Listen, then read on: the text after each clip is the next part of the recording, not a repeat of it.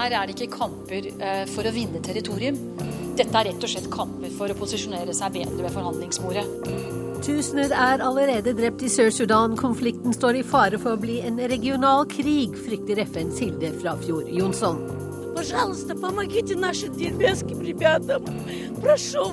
I Dagestan gråter en bestemor for republikkens arbeidsløse unge menn, som i desperasjon lar seg verve til selvmordsaksjoner. Alle eventyr slutt, og de siste par årene har Brasil opplevd en økonomisk blåmandag. BRICS-landene er på vei ut. Nå er det MINT-landene som kan bli det neste store i verdensøkonomien. Det er en skam for hele landet. Det er latterlig. Det er en skandale. Nei, spanjolene spanderer ikke akkurat godord på sitt kongehus. Korrupsjon er den nyeste skandalen. Dette er Verden på lørdag. Vel møtt til denne utenrikstimen, der vi også får korrespondentbrevet fra Bangkok. Jeg heter Wenche Eriksen. Aller først skal vi til verdens yngste land, Sør-Sudan. Krigen der kan utvikle seg til å bli en regional konflikt, sier FNs spesialrepresentant til Sør-Sudan, Hilde Frafjord Jonsson. I hovedstaden Juba svirrer ryktene om at opprørsstyrkene planlegger et angrep. Jan Espen Kruse rapporterer.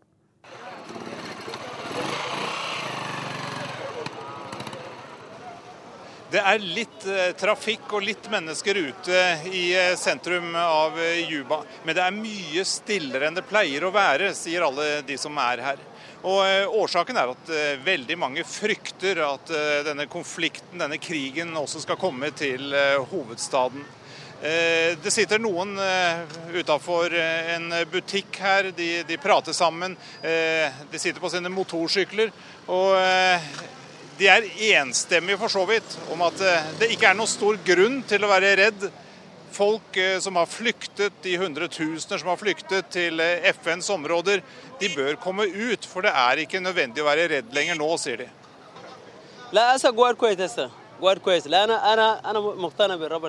Hovedstaden er rolig. Gud har beskyttet byen, sier William Aleo. Han føler seg sikker på at krigen ikke vil komme tilbake til Juba.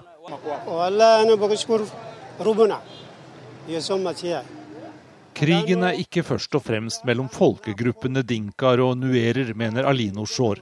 Han mener at det er en mer generell konflikt om politikk og makt. Han sier også at folket kan takke Gud for at det nå er rolig i Juba. Her er det ikke kamper eh, for å vinne territorium. Dette er rett og slett kamper for å posisjonere seg bedre ved forhandlingsbordet. FNs spesialrepresentant for Sør-Sudan, Hilde Frafjord Jonsson, følger situasjonen fra sitt kontor inne på FNs område. Hun leder en styrke på om lag 10 000 militære og sivile. Frafjord Jonsson understreker at konflikten mellom president Salva Kiir og tidligere visepresident Rik Mashar dreier seg om politikk. Men siden presidenten er fra folkegruppen dinka og den tidligere visepresidenten er nuer, så ble det raskt en krig etter etniske linjer. Dessverre så tok dette en etnisk vending. Eh, og eh, elementer på begge sider har utnyttet situasjonen, der to ledere kommer fra hver sin gruppe med lange historiske motsetninger og dype sår. Og dermed så eh, slo dette ut i etnisk motivert vold i stor skala. Meget, meget alvorlig. Kampene raser mellom opprørsstyrkene og regjeringshæren i og rundt flere store byer i Sør-Sudan, særlig i den nordlige delen av landet. Trolig er tusenvis av mennesker drept, og hundretusenvis har flyktet. Soldater fra nabolandet Uganda kjemper nå på regjeringshærens side, og Kenya kan også tenkes å bli med. Det kan gjøre situasjonen enda vanskeligere, sier Frafjord Jonsson. Det er selvfølgelig alltid eh, problematisk eh, dersom andre land og andre aktører, enten det er på den ene eller på den andre siden, kommer inn, for da risikerer du at en konflikt eh, blir en regional konflikt. Eh, hvor partene blir gjenstand for strategiske interesser fra ulike maktbaser og ulike land. Og det kan forlenge konflikten.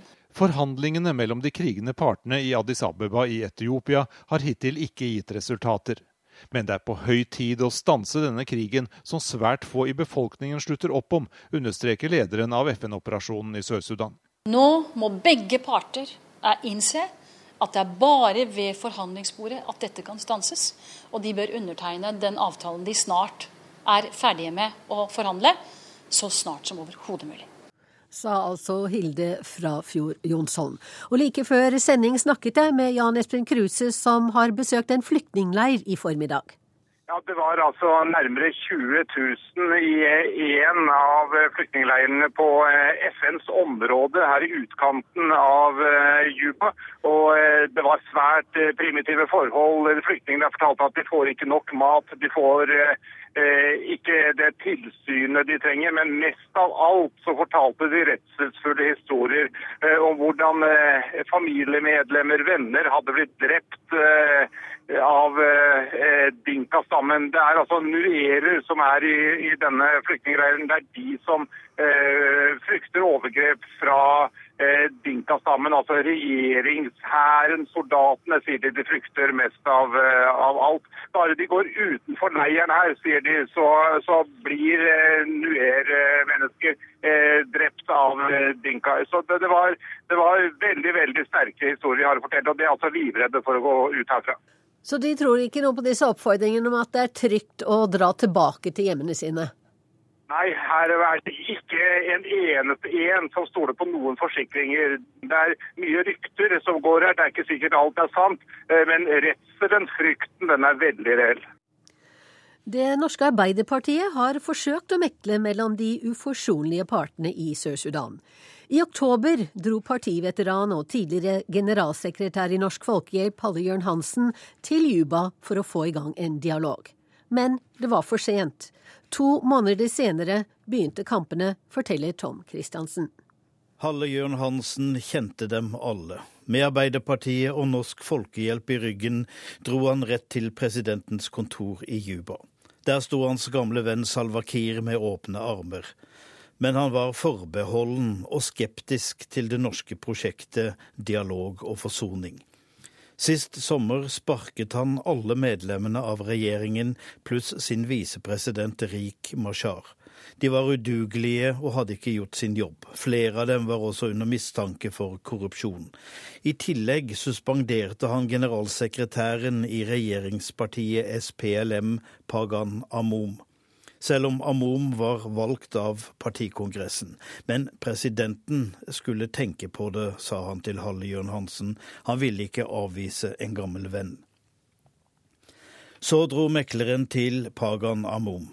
En kriger med både militær og akademisk utdannelse. En av de skarpeste knivene i den sørsudanske skuffen.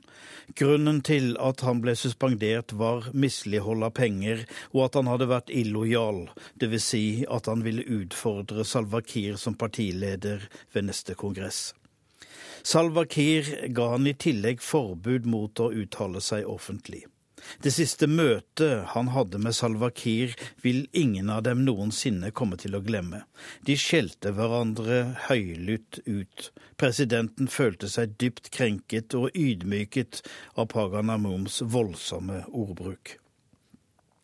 Amom var rasende da han åpnet døra for utsendingen fra Arbeiderpartiet, og lite innstilt på samtaler med presidenten. Hansen og Amom møttes flere ganger, og etter hvert innså Pagan Amom at det nok var en forklaring på presidentens oppførsel, han var presset og nedslitt. Og den suspenderte generalsekretæren tenkte at samtaler og forsoning kanskje ville åpne hans vei tilbake til politikken. Jo, det kunne bli en dialog.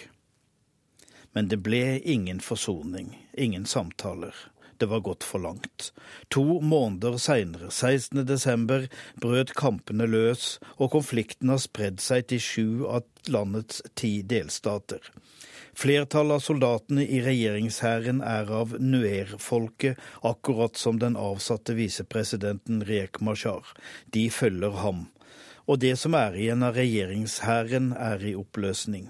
Og partilederne som har kritisert og utfordret Salva Kiir, de er satt i husarrest. En av dem er Pagan Amom. Når Halle Jørn Hansen kommer, åpner de dørene og letter hjertene. Han var æresgjest på den siste kongressen i SPLM, regjeringspartiet. Han har hatt dem på besøk hjemme i stua på Blommenholm. Norsk Folkehjelp, som han ledet, støttet dem når andre humanitære organisasjoner ville være nøytrale. Sør-Sudans regjeringsparti ville ha kontakt med Arbeiderpartiet, og det har de fått. To saksbehandlere fra Youngstorget hjalp dem med å skrive partiprogrammet, de har fått hjelp til å bygge partiorganisasjonen, og partisekretær Raymond Johansen har undervist dem om forvaltning av naturressurser. Men nå står alt stille, og partiet de skulle bygge, faller fra hverandre.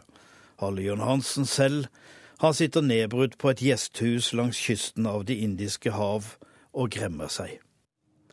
Og fra Sør-Sudan skal vi til Dagestan i Russland, og det er fordi terrorgruppene der utgjør den største trusselen mot vinterlekene i Sotsji, som starter 7. februar.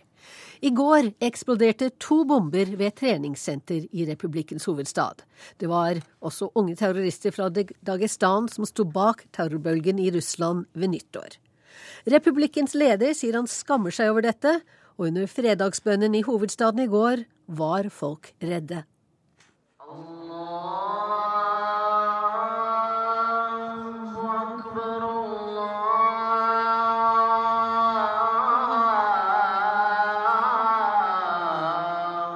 Under fredagsbønnen i Dagestans sentrale moské i går var det en redd stemning i denne overfylte, enorme moskeen her i Mahatsjkala, hovedstaden i Dagestan. Ute på gårdsplassen var det nesten like mange mennesker, svært mange unge menn. Den nervøse stemningen skyldes at Moskva har stemplet Dagestan som selve arnestedet for terrorgruppene, de som sto bak serien av selvmordsaksjoner i Volgograd lille nyttårsaften. Bakteppet for at unge dagestanske menn blir desperadoer og lar seg verve til selvmordsaksjoner, er massiv arbeidsløshet og den ydmykelse et slikt liv medfører. Dagestan ligger materielt minst 25 år etter Russland generelt. Denne uken skrev det velrenommerte Moskva-tidsskriftet Ny Tid at industrien i Dagestan bare gir 6% til delrepublikkens budsjett, mens tallet for Russland ellers er 30 i vår sa Putins innsatte leder i Dagestan til NRK at delrepublikken ikke har fått én kopek fra de føderale budsjettene de siste 20 år. Og når vi spør unge menn utenfor moskeen om Moskva behandler Dagestan rettferdig, får vi lett dette svaret.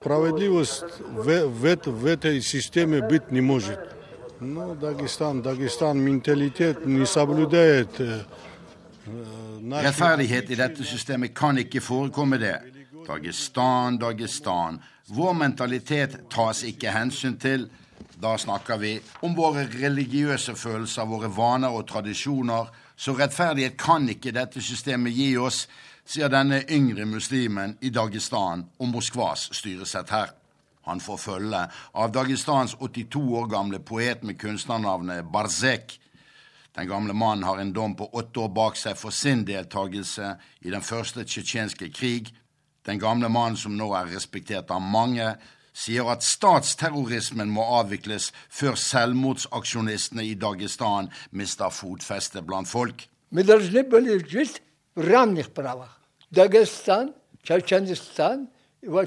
Vi burde fått leve som likemenn med russerne. Både Dagestan og Tsjetsjenia måtte få leve selvstendig.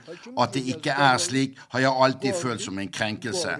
Hvorfor skal jeg, en stolt fjellmann i Kaukasus, leve på andres nåde? sier poeten og eksterroristen Barzek med det borgerlige navnet Adago Aliyev.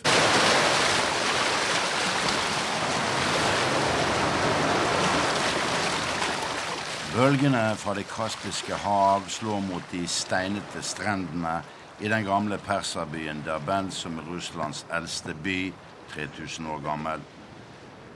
Kaspihavets store rikdommer på olje og gass får ikke dagestanerne nyte fruktene av, og i fiskerbosettingene her i Derbent står salafistene sterkt, de ytterliggående muslimene som er det sosiale fotfestet i Dagestan for terrorgruppen Skogsbrorskapet. Disse terrorgruppene har begynt å verve russiske konvertitter som russisk politi ikke identifiserer så lett, som i Volgograd i nyttårshelgen. Salafistenes imam, Haji Rasul Husseinov, er en viktig moralsk ideolog for de ytterliggående. og han sier dette til NRK om bakteppet for at unge dagestanske menn lar seg verve til selvmordsaksjonistenes rekker. Это могут издевательства, оскорбления религиозных чувств. То, что человека есть, когда человека чувство оскорбляют совершенно. Первое – это несправедливость. Несправедливость по отношению к здоровью, к религии, к его чести, к его имуществу. Når et menneske føler seg krenket helt grunnleggende, skjer dette. Urettferdigheten er det viktigste. Urettferdig behandling av religionen vår, av folks ære og eiendom. Dette er grunnlaget for det hele, sier imam Haji Rasul Husseinov, de ytterliggående salafistenes fremste leder i Derbent, som ikke underordner seg den president Vladimir Putin kaller lederne for det tradisjonelle islam her i Russland. I basaren her i eldgamle Derbent treffer vi en gammel bestemor som forteller at hun må jobbe for å hjelpe sine arbeidsløse barnebarn, og hun brister i gråt når hun forteller. Поколение. Я каждый день плачу. Пожалуйста, помогите нашим дербенским ребятам. Прошу вас. Jeg gråter for hver og en i den nye generasjonen. Vær så snill å hjelpe guttene våre her i Liaben, for de ser ingen løsning på livene sine, hulker den gamle kvinnen, som trolig er nær tampen på terrorismens forklaring, den farligste trussel mot vinter-OL i Sotsji 7. februar. Hans-Wilhelm Steinfeld, Derbent i Dagestan.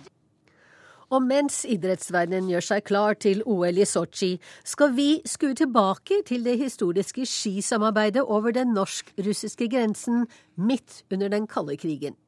En åpning i jernteppet som senere fikk stor betydning, sier Arne Ulvang om folk-til-folk-kontakten som ofte skjedde med KGB og norsk overvåkingspoliti i hælene. Kollega Morten Jentoft har møtt idrettsveteranen i Kirkenes idrettsfolket der borte var jo veldig interessert i utstyr og sånn, som da vi kunne ta med oss. Og det var det dårlig med på andre siden? Ja, veldig dårlig. Det var en annen verden når det gjaldt eh, ski og staver, og ikke minst moring. så jeg sitter sammen med 77 år gamle Arne Ulvang i hans hus i bakkene ovenfor Kirkenes. Arne har en historie å fortelle som i 2014 kan synes å tilhøre en fjern fortid. Nå når verdens vintersportsutøvere pakker sekkene og gjør seg klar til å reise til OL i sørrussiske Sotsji. Men i årene etter annen verdenskrig var den 196 km lange grensen mellom Norge og det landet som den gangen het Sovjetunionen, nesten hermetisk lukket. Den gangen som nå var Arne Ulvang en aktiv skiløper, og sammen med mange andre idrettsinteresserte ønsket han å komme i kontakt med likesinnede på den andre siden av grensen. Og vi som, som, som var ansvarlig for, for idretten, vi, vi, vi, opplevde jo det at eh, det var jo mye nærmere til å, til å reise til Murmansk og møte faktisk eh, en del av verdens beste skiløpere enn det var for å reise til Oslo. Altså, så for oss så betydde jo det altså en, en mulighet til å oppleve idrett på et høyt nivå som vi ellers ikke hadde muligheten til. For Arne Ulvang og mange andre av dem som var aktive innenfor idretten, var det også viktig at kontakten over grensen skulle være upolitisk, ikke styrt av personer med tilknytning til Norges kommunistiske parti. Det var en viss sånn her eh, misnøye innenfor idrettsorganisasjonene om at eh, Sovjetrussisk samband, som etter hvert ble mer og mer assosiert som en eh, jeg, skal vi si, kommunistisk dekkorganisasjon, og man ønska fra idrettens side også ha hånd om denne eh, utvekslinga, altså at det var idretten som skulle ha ansvar for å styre idrettsutveksling med Sovjetunionen. Men til tross for en rekke praktiske problemer, bl.a. med å få ordnet med visum via Moskva og Oslo, så kom idrettssamarbeidet i gang. Og Arne Ulvang og de andre idrettsentusiastene fra Øst-Finnmark kunne dra over den primitive grenseovergangen på Storskog. Ja, det var jo som å komme til en annen verden, ikke sant. Å bli møtt på med, med soldater og, og kontroll. Og... Men det skal også sies at de som da møtte oss, som skulle liksom ha ansvaret for oss, det var veldig, veldig tjenestevillig, hyggelig og, og det var veldig, var veldig altså, Vi hadde bare positive opplevelser med men vi måtte jo etter hvert godta at det var at det, at, at det var ganske strengt, og det var kontroll under denne vinterfestivalen så samla man jo ikke bare de beste russerne, men alle de, de beste skiløpere fra eh, de øvrige østblokklandene var der. Og det var jo da et sterkt ønske om at også vi måtte komme med, med eliteløpere. Og det fikk dere til etter hvert? Ja, det fikk vi faktisk til. Og i 1967 så reiste da heltene fra VM i 66, eh, Grønningen, Eggen og Martinsen, over til, til og, og, deltok i konkurranser. Hvordan ble det mottatt på andre siden? Ja, De ble jo mottatt som fyrstelige personer med fantastisk Det var så,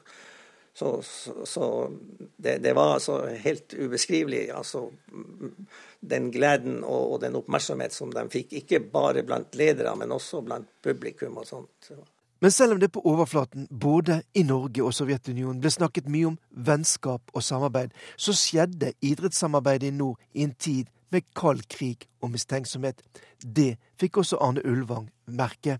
Ved alle sånne delegasjoner som var, så oppdaga vi jo ganske fort at eh, ikke alle var, var verken trenere eller ledere, men at de hadde andre funksjoner.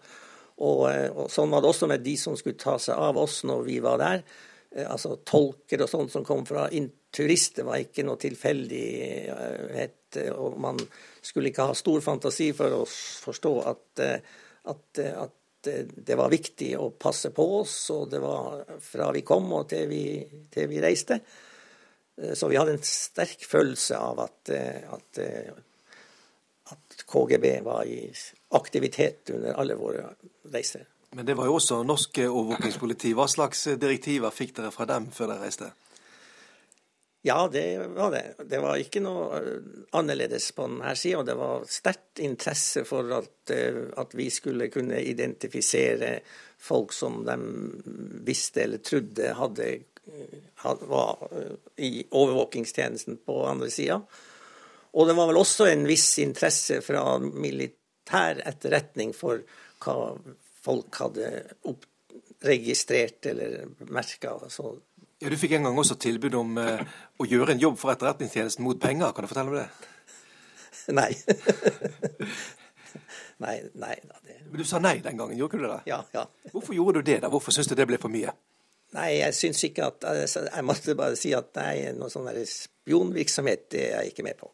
Seinere skulle blant annet Arne Ulvangs sønn Vegard gjennom idrettssamarbeidet i nord knytte solide vennskapsbånd med russiske skiløpere som Aleksandr Prokhororov og Vladimir Smirnov. Selv mener Arne Ulvang at det han var med å sette i gang på 1960-tallet, fikk stor betydning, også politisk. Det starta som en åpning i jernteppet som seinere da har, har utvikla seg til et, til et, håper eh, jeg si, fruktbringende samarbeid her oppe i, i vår region. Så, så, I så måte så tror jeg nok det har hatt en, har, har hatt en betydning, ja. Vi skal til Syria nå. Til uken kommer representanter fra opposisjonen og regimet til Genéve i et forsøk på å få slutt på borgerkrigen i landet. Men opposisjonen består av mange grupper med ulike interesser, og det er høyst uklart hvem som møter opp. Og den som nå vinner mest på å ha en ustrukturert opposisjon og voldelige jihadister mot seg, er ingen ringere enn president Bashar al-Assad. Tidligere Midtøsten-korrespondent Sissel Wold kommenterer. Syrias president Bashar al-Assad har hatt et godt år. Fra å være Vestens mest forhatte diktator er han blitt Vestens partner. Han var presidenten som måtte fjernes, nå er han presidenten som ikke kan gå akkurat nå, for da rakner alt i Syria. Ryan Crocker, som har vært USAs ambassadør til Syria, Afghanistan og Irak, sier det mange tenker nå. Assad er forferdelig, men ikke så forferdelig som jihadistene. Syrias president har spilt kortene sine så godt at han er gått fra å skulle fjernes, ja om nødvendig bombes bort, til å bli det minste onde. Da demonstrasjonene begynte i Dara våren 2011 å sprette seg, innså etter hvert Assad-regimet at opprøret ikke kunne slås ned, verken med makt eller med våpen. Så Assad ga amnesti til flere hundre salafister og militante islamister. De skulle bli Assads nyttige idioter. Jihadistene inviterte sine brødre til Syria for å kjempe mot alawittene, de vantro, som det het. Demokrati var ikke lenger på agendaen. Syria var derimot begynnelsen på kampen for et verdensomspennende islamsk rike, et nytt kalifat. I dag kjemper utallige grupper med og mot hverandre i Syria. Blant de mest beryktede er al-Nusra-fronten og ISIS, som på et vis konkurrerer om å være Al Qaida i Syria. Riktignok er det al-Nusra som har fått Osama bin Ladens etterfølger al-Sawahiris velsignelse. Disse gruppene virker som fluepapir på arabiske og vestlige muslimer og konvertitter, som vil på eventyr, som vil kjempe for islam eller bli martyrer. Dette skremmer ledere i Vesten. For kanskje kommer syriafarerne hjem som terrorister. Og her er det Bashar al-Assad blir en alliert. For han kjemper også en kamp mot terror og Al Qaida-folk, sier han.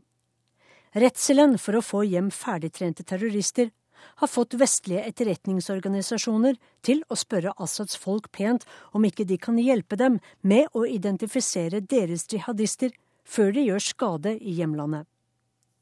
Med Vestens øyne har Syrias borgerkrig gått fra å være en kamp for demokrati for det syriske folk, til å bli en kamp mot spredning av Al Qaida-lignende terror. Syria handler ikke om frie valg og ytringsfrihet, men om et regionalt sikkerhetsproblem. President Bashar al-Assad må være en av svært få ledere som har gjort seg til en relevant partner ved å gasse sin egen befolkning. Da verden med avsky så sivile syrere dø av saringass i fjor, måtte man gjøre noe. Kjemiske våpen, ja, der måtte det gå en grense. Selv om 99% av syrerne er drept og drepes fortsatt med konvensjonelle våpen.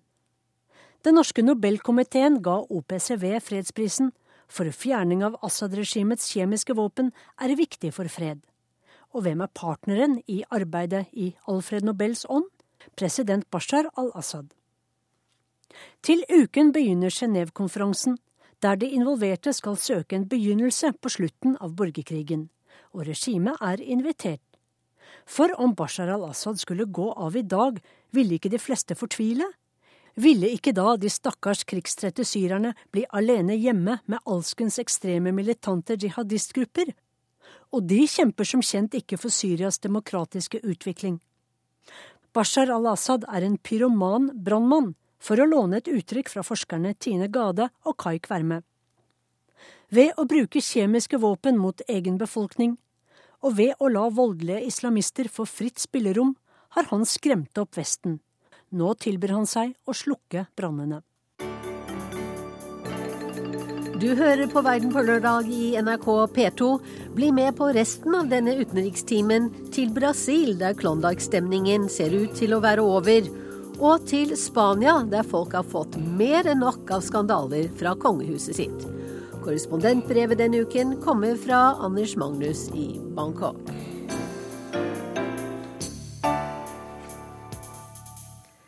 Internasjonal politikk, og dermed nyheter, er full av forkortelser som Nato, ASEAN og SADC. I 2001 dukket akronymet BRIC opp som en motvekt til G7, EU og USA. Men nå er det MINT-landene det skal dreie seg om. Forvirret? I så fall får vi håpe at Joar Ho Larsens forsøk på å rydde opp i begrepene kan være til hjelp. Hi, this is Jim O'Neill. I'm head of global economics research at Goldman Sachs.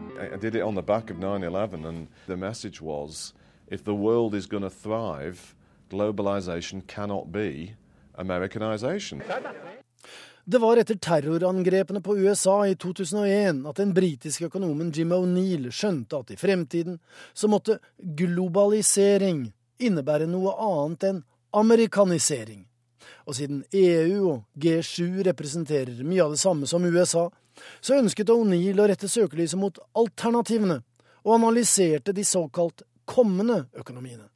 Han fant at de største og mektigste blant dem, som Brasil, Russland, India og Kina, hadde et enormt potensial.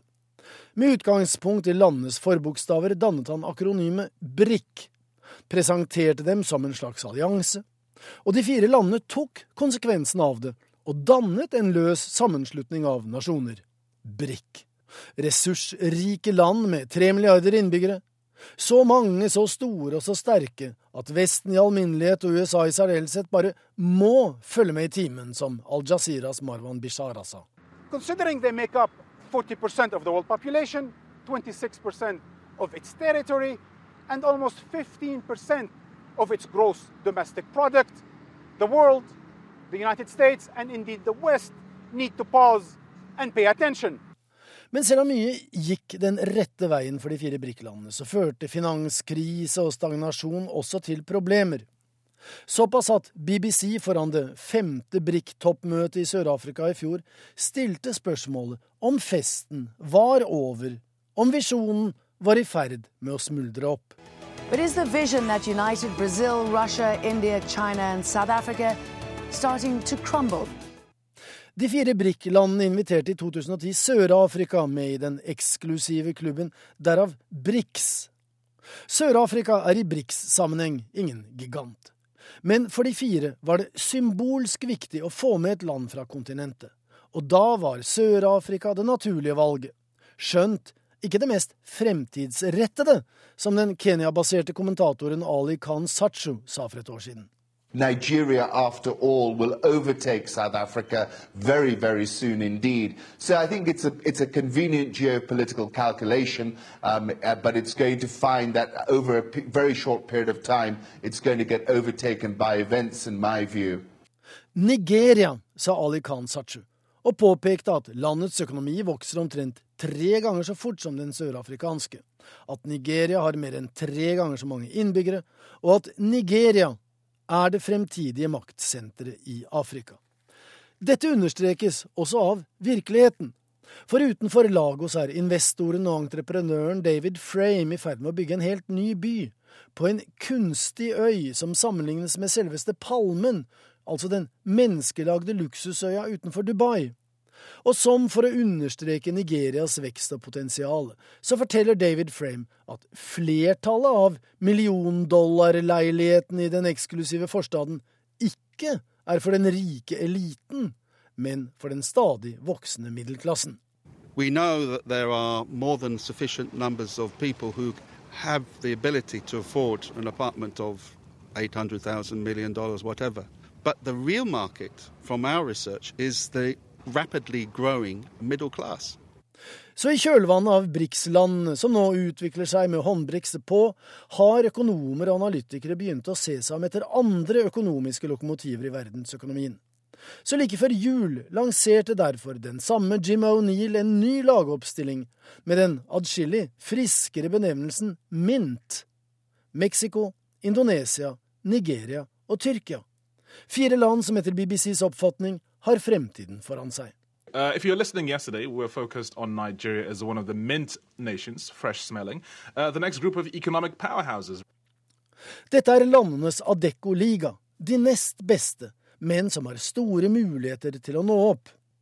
Jim O'Neill nevner demografien, altså befolkningens alderssammensetning, som spesielt gunstig i mintlandene og på tross av gigantutfordringer som menneskerettigheter og korrupsjon, forurensning og kriminalitet med mer i de fire mintlandene, så er investorer og entreprenører aktive og interesserte, sier finansmannen Luis Vidrio i Mexico, og ser lyst på fremtiden der.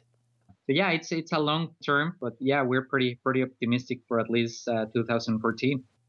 Det er grunn til å tro at Mintland vil bli fulgt med spesiell oppmerksomhet de kommende årene. Men det er uvisst om de lager en klubb med toppmøter, slutterklæringer og handlingsplaner, slik BRICS-landene gjorde og gjør. Uansett så åpner denne bokstavleken helt nye perspektiver for journalister, kommentatorer og satirikere. I europeisk økonomisk sammenheng sier for eksempel forkortelsen PIGS alt om Portugal, Italia, Grekenland og Spania.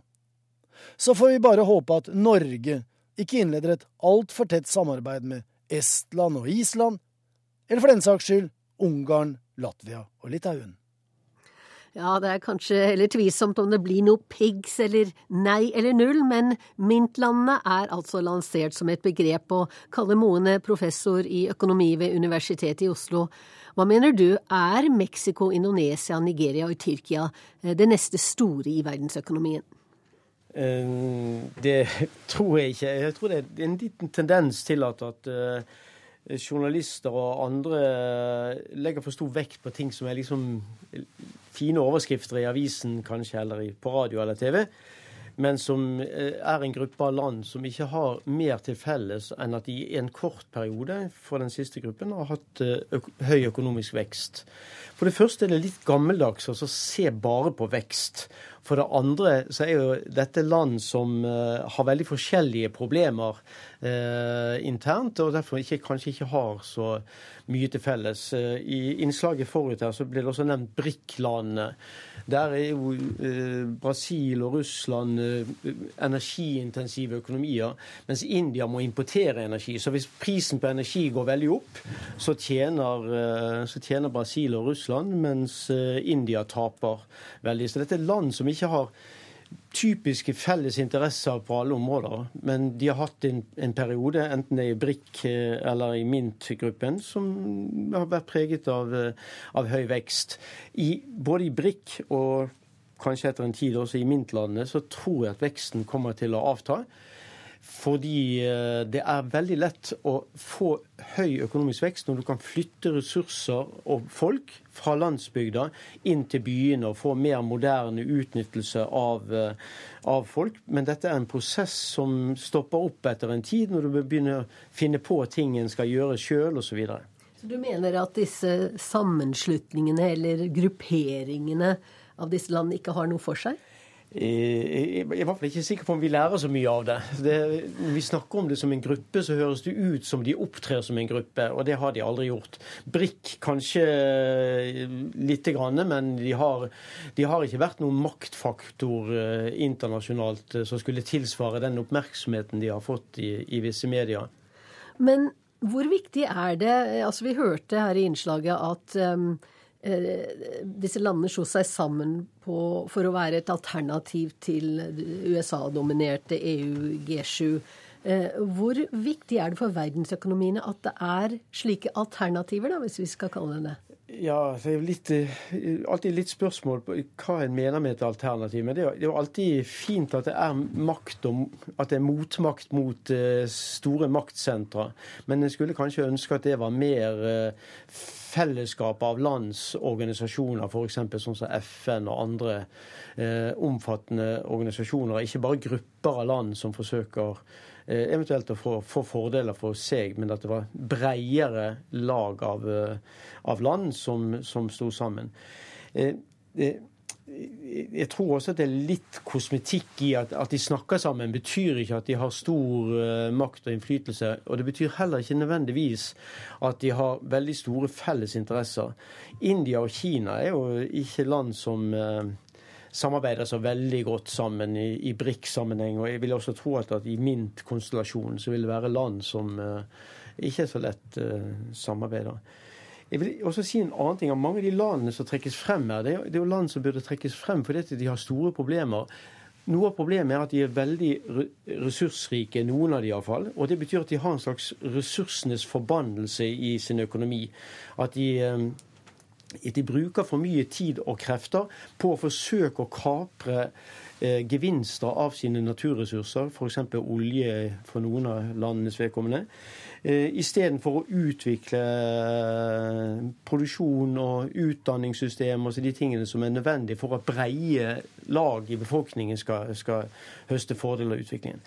Det er også land som har veldig ekstrem ulikhet. Det gjelder iallfall eh, eh, ta BRIC-landene. Det gjelder helt åpenbart eh, Brasil, det gjelder åpenbart eh, Russland. Eh, i, sterk grad også India, og i noe økende grad Kina.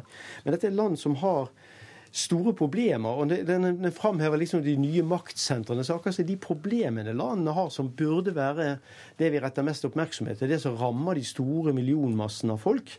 Eh, de får en slags underordnet representasjon i diskusjonen.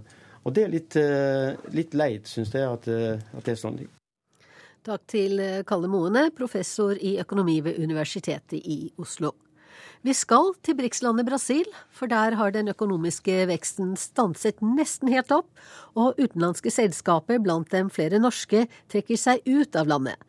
Byråkrati, Korrupsjon og en voldsom økning i priser og lønninger er noen av årsakene, forteller Arnt Stefansen i denne reportasjen fra Rio de Janeiro.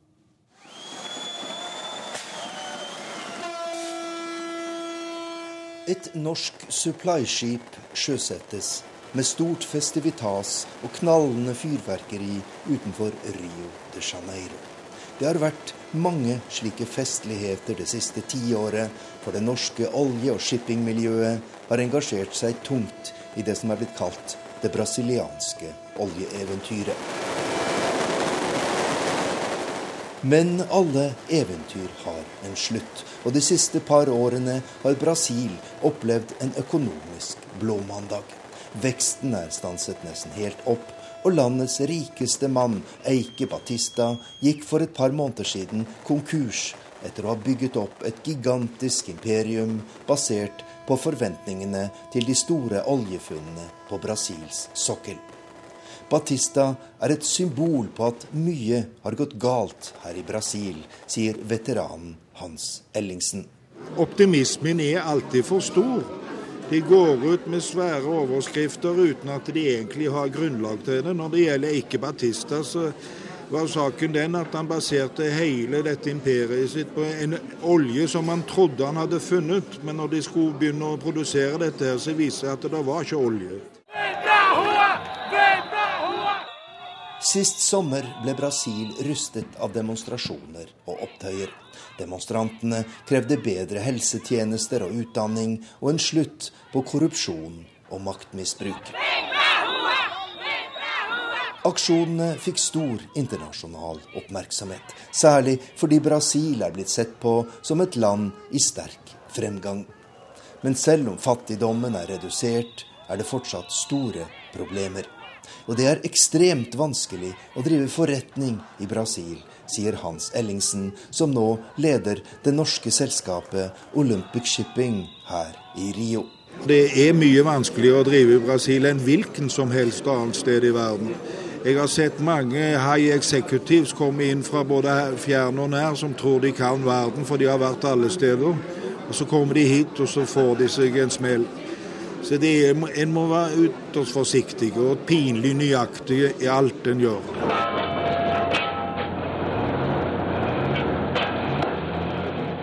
Det er de enorme oljefunnene utenfor kysten av Brasil som i første rekke har fått mer enn 100 norske selskaper til å etablere seg her i landet. Men drømmen om stor fortjeneste har bleknet kraftig i møte med brasiliansk byråkrati og de kravene myndighetene stiller.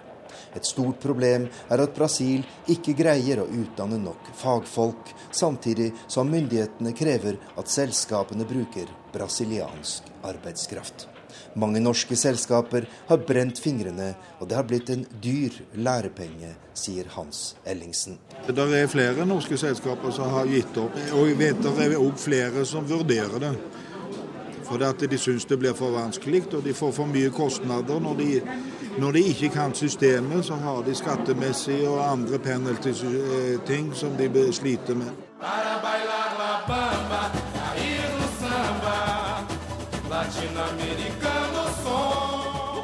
Brasils verdenskjente karneval nærmer seg, og folk gleder seg til den store festen. Men under den feststemte overflaten ulmer det, og myndighetene frykter nye demonstrasjoner når sommerens fotball-VM nærmer seg. Det som provoserer svært mange, er at korrupsjonen fortsatt blomstrer, selv om myndighetene har hatt dette problemet høyt på sin dagsorden det siste tiåret. Dette er et problem som er svært vanskelig å løse, sier Hans Ellingsen i Olympic Shipping. Alle snakker om sosialproblemer, kriminalitet og vold. Men alle de problemene kan bli løst hvis en ikke hadde korrupsjon. De, de blir ikke løst fordi at de korrupte politikerne vil ikke løse dem.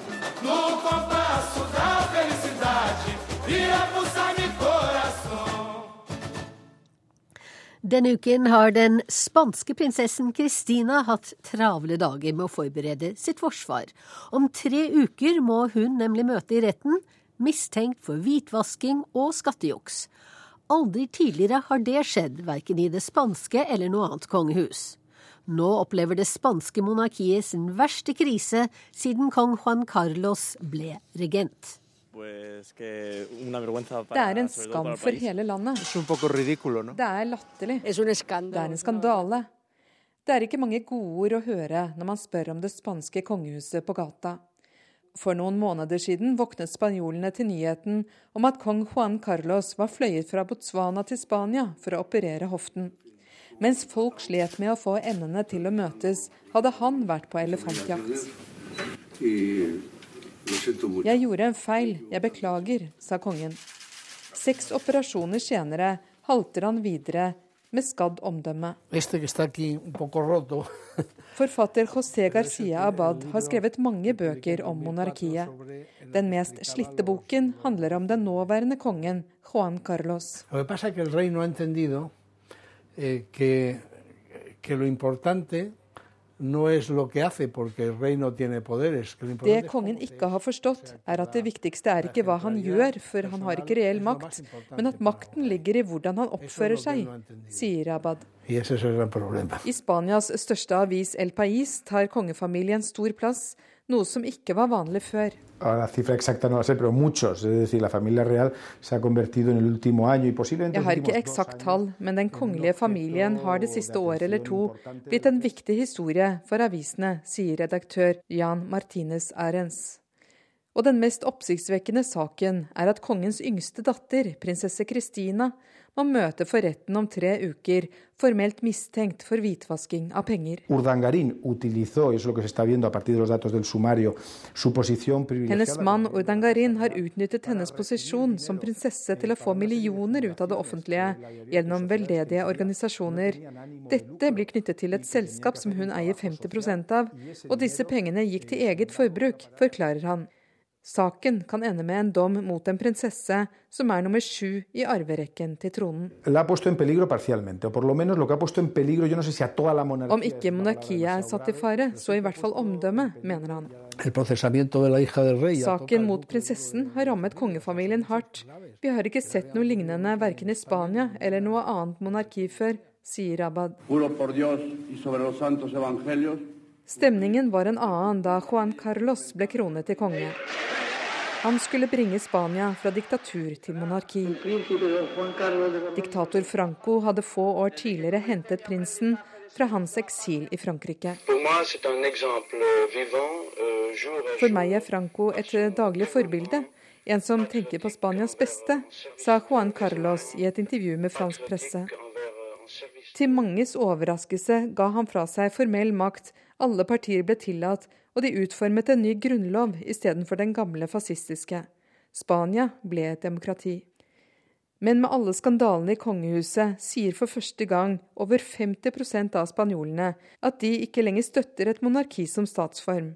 Og rundt 70% mener kongen bør abdisere, ifølge en undersøkelse i avisa El Mundo.